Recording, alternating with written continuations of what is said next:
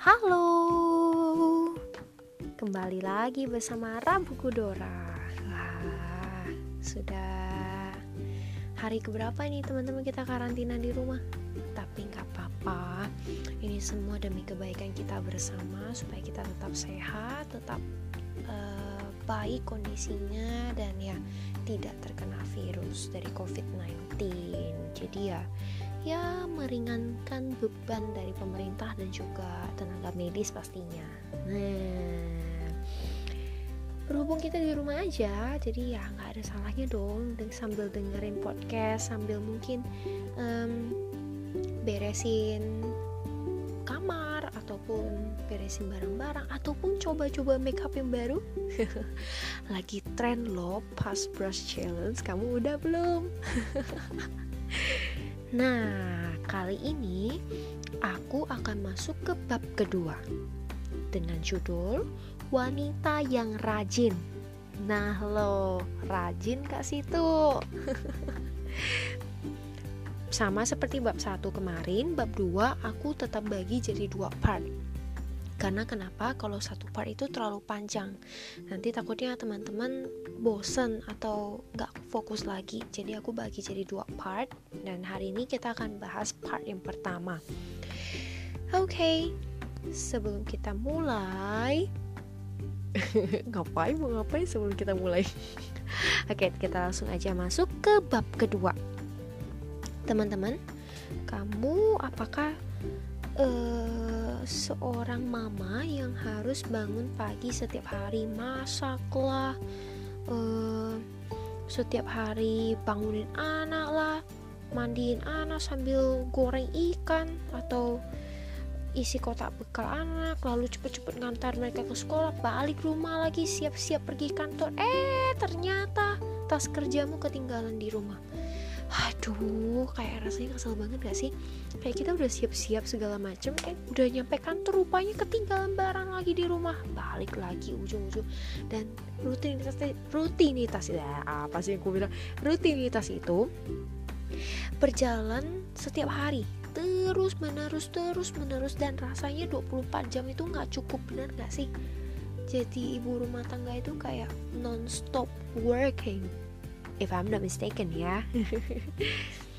Tapi ya ya kalau memang itu mm, bikin kamu senang ya you have to be enjoy to do it.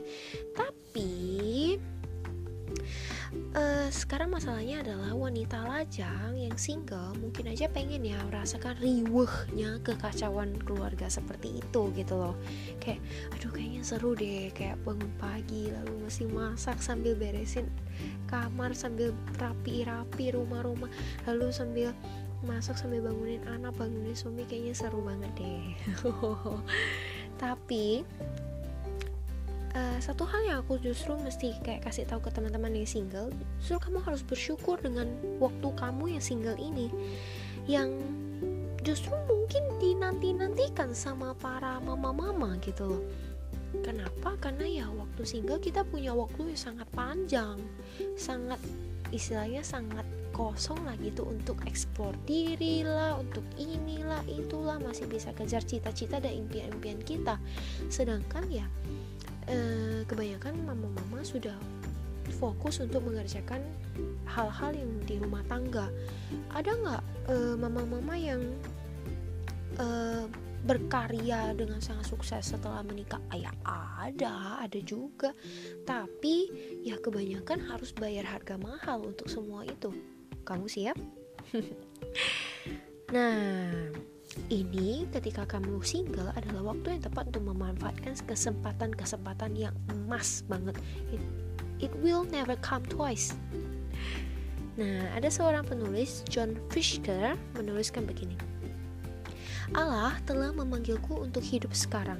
Ia ingin aku menyadari potensiku sepenuhnya sebagai seorang manusia pada saat ini ia ingin aku penuh rasa syukur akan keberadaanku dan menikmati secara maksimal. Aku punya satu perasaan yang aneh, bahwa jika seorang lajang, seorang single, selalu ingin menikah, akhirnya mungkin menikah, ia akan mendapat semua yang ter cakup dalam pernikahan dan berharap bahwa ia lajang kembali. Ia akan bertanya pada dirinya sendiri, Mengapakah aku tidak menggunakan waktu bagi Tuhan saat aku tidak memiliki begitu banyak kewajiban? Mengapakah aku tidak berikan diriku sepenuhnya kepada Dia pada saat aku masih single?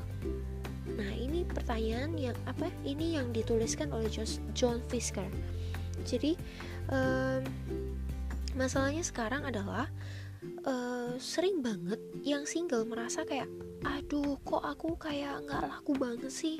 kok teman-temanku satu persatu udah pada nikah dan aku belum gitu loh. Yang bikin justru itu semua yang bikin emosinya justru lebih labil daripada ibu anak empat. Teman-teman bisa bayangin ya ibu anak empat. Ya apalagi umurnya masih kecil-kecil dan bedanya nggak jauh. Kayak aduh riwanya minta ampun ya. Aku yang punya dua adik kecil yang beda umurnya tiga tahun aja. Kayak masih ya ampun riuh banget gitu loh bagi ibu anak empat. Tapi justru uh, ketika seorang serius selalu kayak aduh kok aku nggak laku sih? Aduh kok aku nggak nikah nikah sih? Aduh jodohku kok nggak datang datang sih? Justru dia emosinya lebih labil daripada ibu anak empat. Coba gimana tuh ceritanya? Daripada mikir kenapa aku nggak kencan? Kenapa ini dan kenapa itu? Coba coba coba.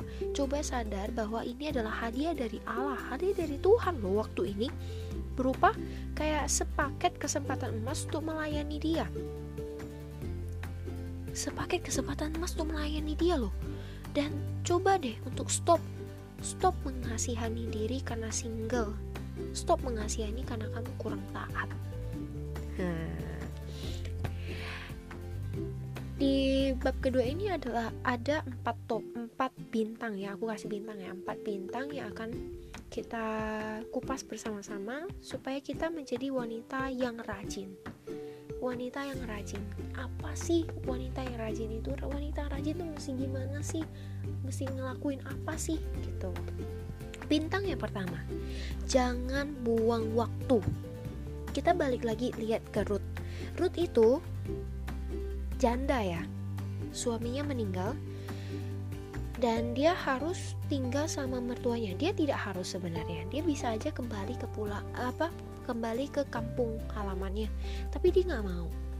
Dia memilih untuk tinggal bersama-sama dengan mertuanya. Dia pilih untuk mengikuti kehidupan mertuanya. Dan mertuanya tahu Naomi tahu bahwa ya uh, ada berkat untuk orang-orang yang janda. Jadi kayak zaman dulu zaman Kristus dulu kayak um, ada berkat yang memang disediakan khusus untuk para janda. Jadi mereka masih tetap bisa melanjutkan kehidupan walaupun suaminya nggak ada gitu ya. Nah Naomi ini cepat-cepat langsung kasih tahu Ruth kamu ke ladang dan bekerja ya. Dan Ruth tetap pergi.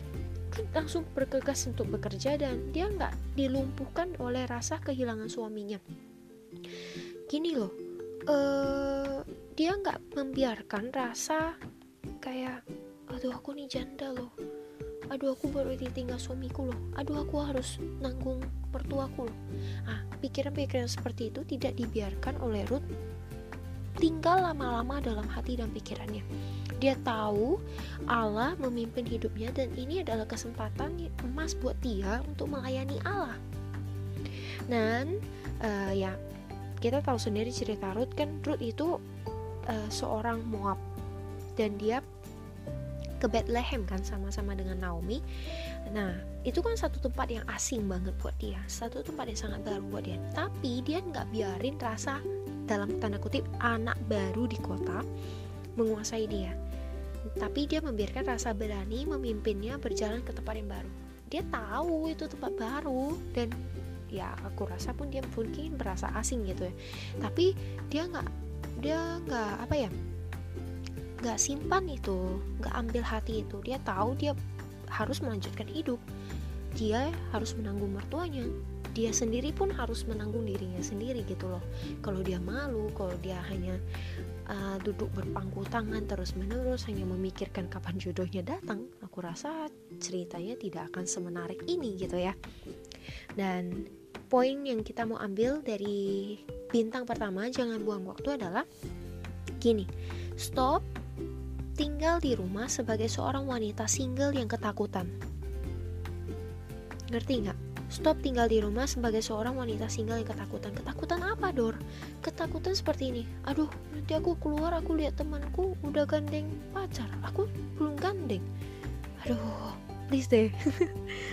Ambillah langkah iman dan jadilah sukarelawan. Intinya kayak kamu bisa buat buat apa sih untuk sekitarmu? Kamu bisa ngelakuin apa sih untuk sekitarmu? Lakukan itu. Ini waktu yang tepat gitu loh libatkan diri dan lihatlah apa yang selama ini hilang gitu loh mungkin karena kamu mungkin kamu yang baru putus atau kamu yang baru saja mencanda mungkin selama ini kamu merasa aduh aku pengen ngelakuin ini tapi aku nggak bisa karena aku punya pacar atau aku karena punya suami atau ya aku harus mengurus suamiku yang sedang sakit atau apa pun itu. Dan ketika pasangannya nggak ada atau kamu yang sekarang ini sedang single ya cari sesuatu pasti ada yang hilang gitu loh. Pasti ada yang pengen kamu lakukan dan kamu tunda karena kamu punya pasangan. Nah sekarang coba lagi bongkar lagi peta konsep dirimu kira-kira ini udah udah aku lakuin belum ya ini udah belum aku lakuin nih kapan aku mau lakuin nah gitu teman-teman intinya jangan buang waktu karena waktu terus berjalan dan tidak pernah tunggu kamu. Kita masuk ke bintang kedua. Bebas mengikuti. Ruth tidak berlarut dalam kesedihan dan kepasrahan. Dia nggak larut-larut tuh kayak sedihnya, galaunya berhari-hari berminggu-minggu nggak makan, nggak minum, nggak mandi, nggak keluar rumah, nggak.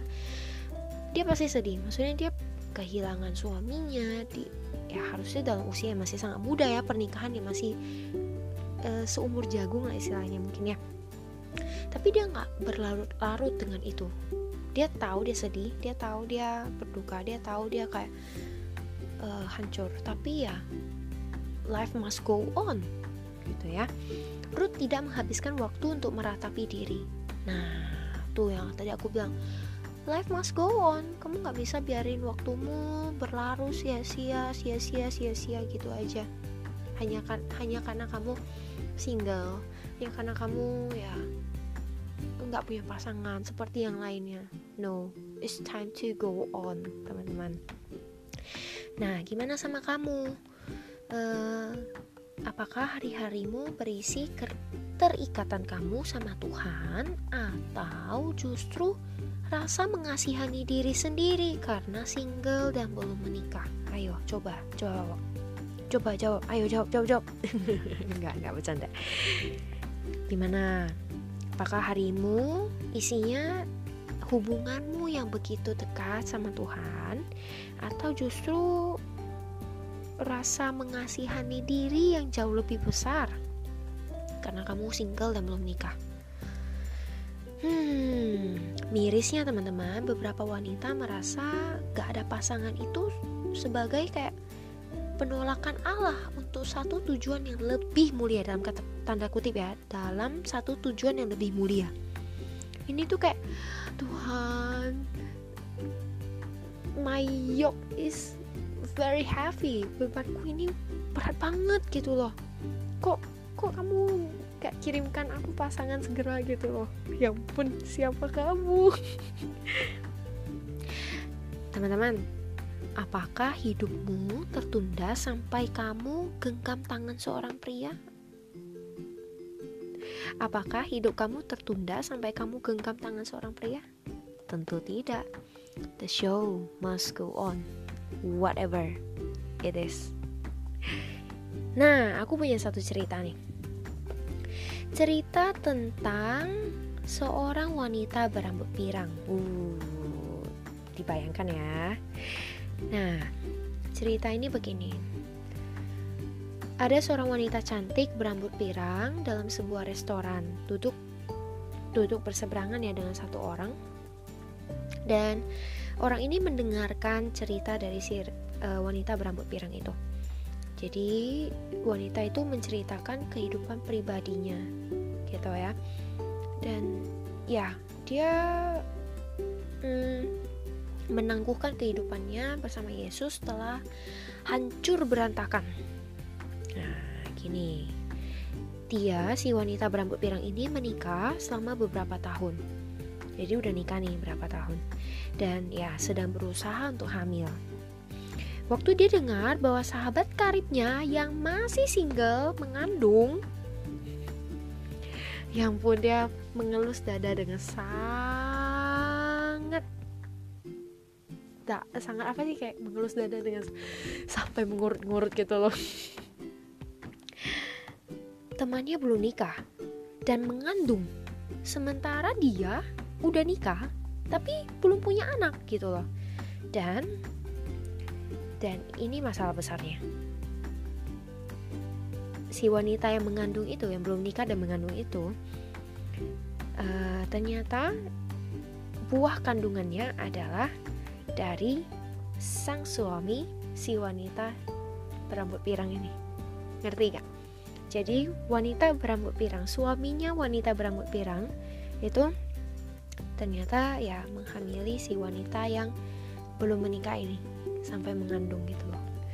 Dan ya ampun, teman-teman, aduh, aku bacanya aja kayak air matanya mau turun.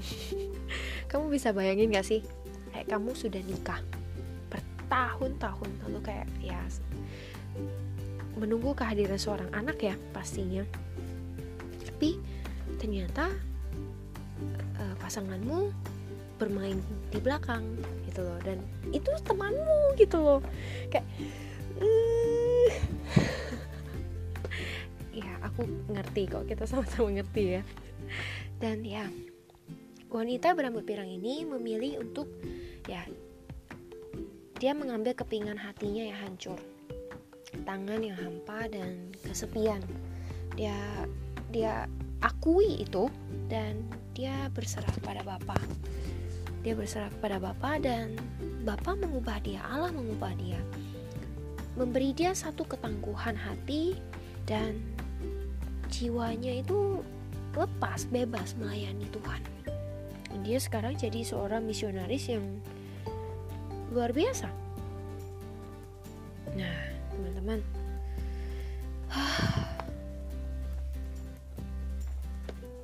ketika kita masih single begini, kita punya kebebasan untuk mengikuti mengikuti kehendak Allah atau mengikuti kehendak kita.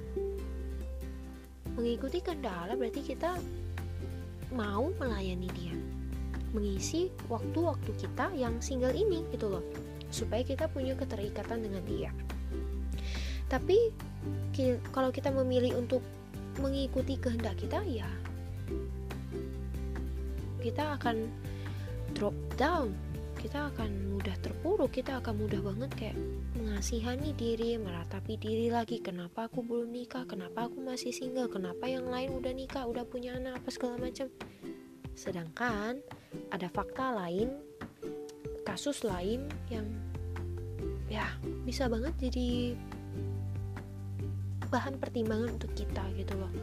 Supaya yang ketika hati ini hancur ketika perasaan ini terabaikan ketika rasanya bumi ini runtuh pun kita masih punya Allah yang bersama-sama dengan kita. Jika lau kita punya hubungan yang baik dengan dia.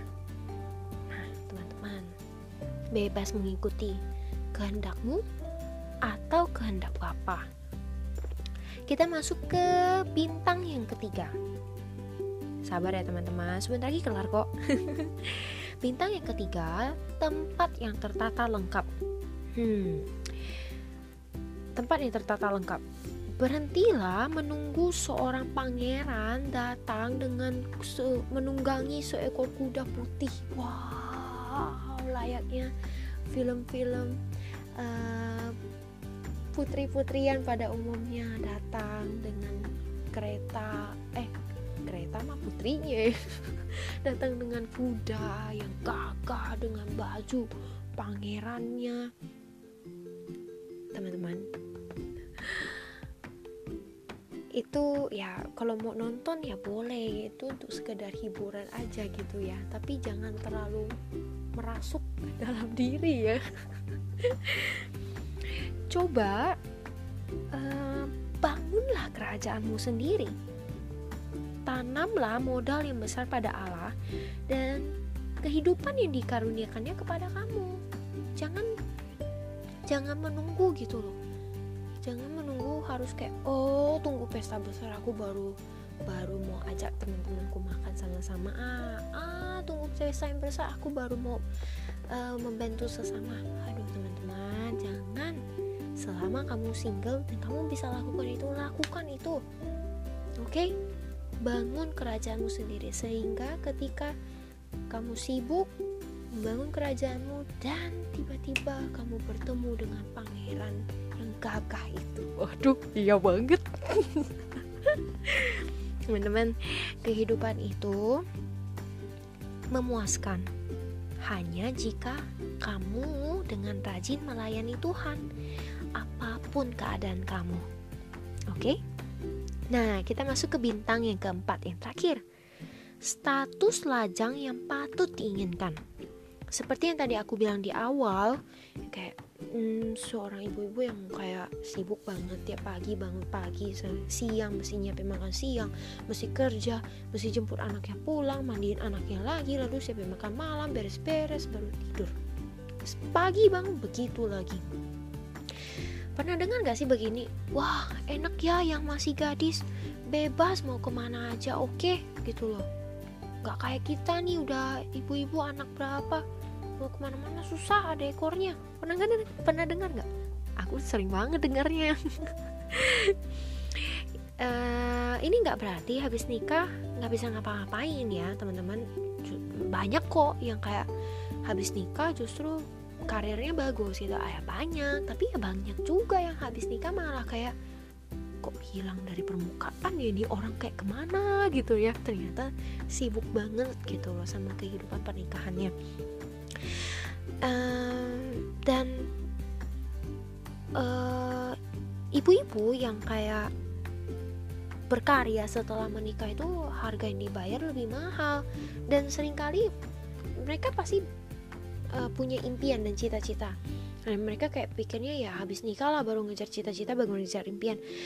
Tapi sering kali jadi mimpi buruk. Nah itu loh harga yang dibayar lebih mahal. Dan posibilitasnya 50-50 mungkin iya mungkin tidak gitu loh. Gini jangan anggap dirimu terlalu tidak bahagia sehingga kamu tidak bisa tolong orang lain. Fokusnya diri kamu sendiri aja. Fokusnya kamu aja. Akhirnya lama-lama itu yang bisa merampas sukacita kamu dalam melayani. Nah, jadi stop banget berkata, aduh kasihan ya aku, belum ada pasangan, gak ada yang mau sama aku, aku jelek ya, aku gendut ya, aduh mataku sipit ya, aduh apa yang kurang ya sama aku ya, kok aku belum nikah, kok temanku udah nikah sih, kok yang itu udah punya anak sih, aduh aku kapan? Stop, stop banget ya. Justru kamu harus pakai waktu singlemu ini untuk menemukan the real you in his plan. Kamu yang sebenarnya dalam rencananya Tuhan. Apa gitu ya? Karena waktu ini akan amat sangat berlalu sangat amat cepat berlalu. Kayak blink of eyes teman-teman. Kayak ting. Loh aku udah umur segini ya ternyata gitu loh. Jadi ya jangan buang-buang waktumu dengan itu karena ya status singlemu mungkin saja dirindukan oleh banyak orang banyak wanita yang lain gitu loh. Jadi mulai sekarang stop tanya dirimu sendiri atau tanya wanita lain. Kapan nikah ya Gak takut umur makin nambah Stop Itu pertanyaan yang sangat amat sering muncul Di era ini Kapan nikah? Kok belum nikah sih? Umur berapa sekarang? Kenapa belum mau nikah? Aduh bu Jadi kalau kalau memang temanmu memang ada rencana nikah ya doakan supaya lancar dan siap di hari haya. Tapi kalau masih single, doakan dia dan dukung segala impian yang ingin dia capai. Gitu loh teman-teman. Jadi uh, jadi wanita yang rajin ada empat hal, empat bintang. Yang pertama, jangan buang waktu. Kedua, kamu punya kebebasan mengikuti pilihan di kalangan kamu. Yang ketiga, tempat yang tertata lengkap jangan nunggu bangun kerajaanmu sendiri. Nah, kemudian yang terakhir, status lajangmu sangat dirindukan oleh banyak wanita di luar sana. So, pergunakan itu sebaik mungkin. untuk memuliakan Allah pastinya. Bangun kerajaanmu untuk memuliakan Allah. Bebas mengikuti kehendaknya Allah. Melayani Dia. Ya, teman-teman. Oke, sampai di sini part 1 bab 2 wanita yang rajin dari buku yang sama Lady in Waiting. Semoga teman-teman um, diberkati dengan uh, retail dari buku ini. Hmm. Dan aku minta maaf kalau ada salah-salah kata ataupun salah-salah maksud yang menyakiti hati teman-teman atau uh, membuat teman-teman tidak senang, aku minta maaf banget. Kamu belajar, aku pun belajar. Oke, sampai jumpa teman-teman. Terima kasih. God bless you.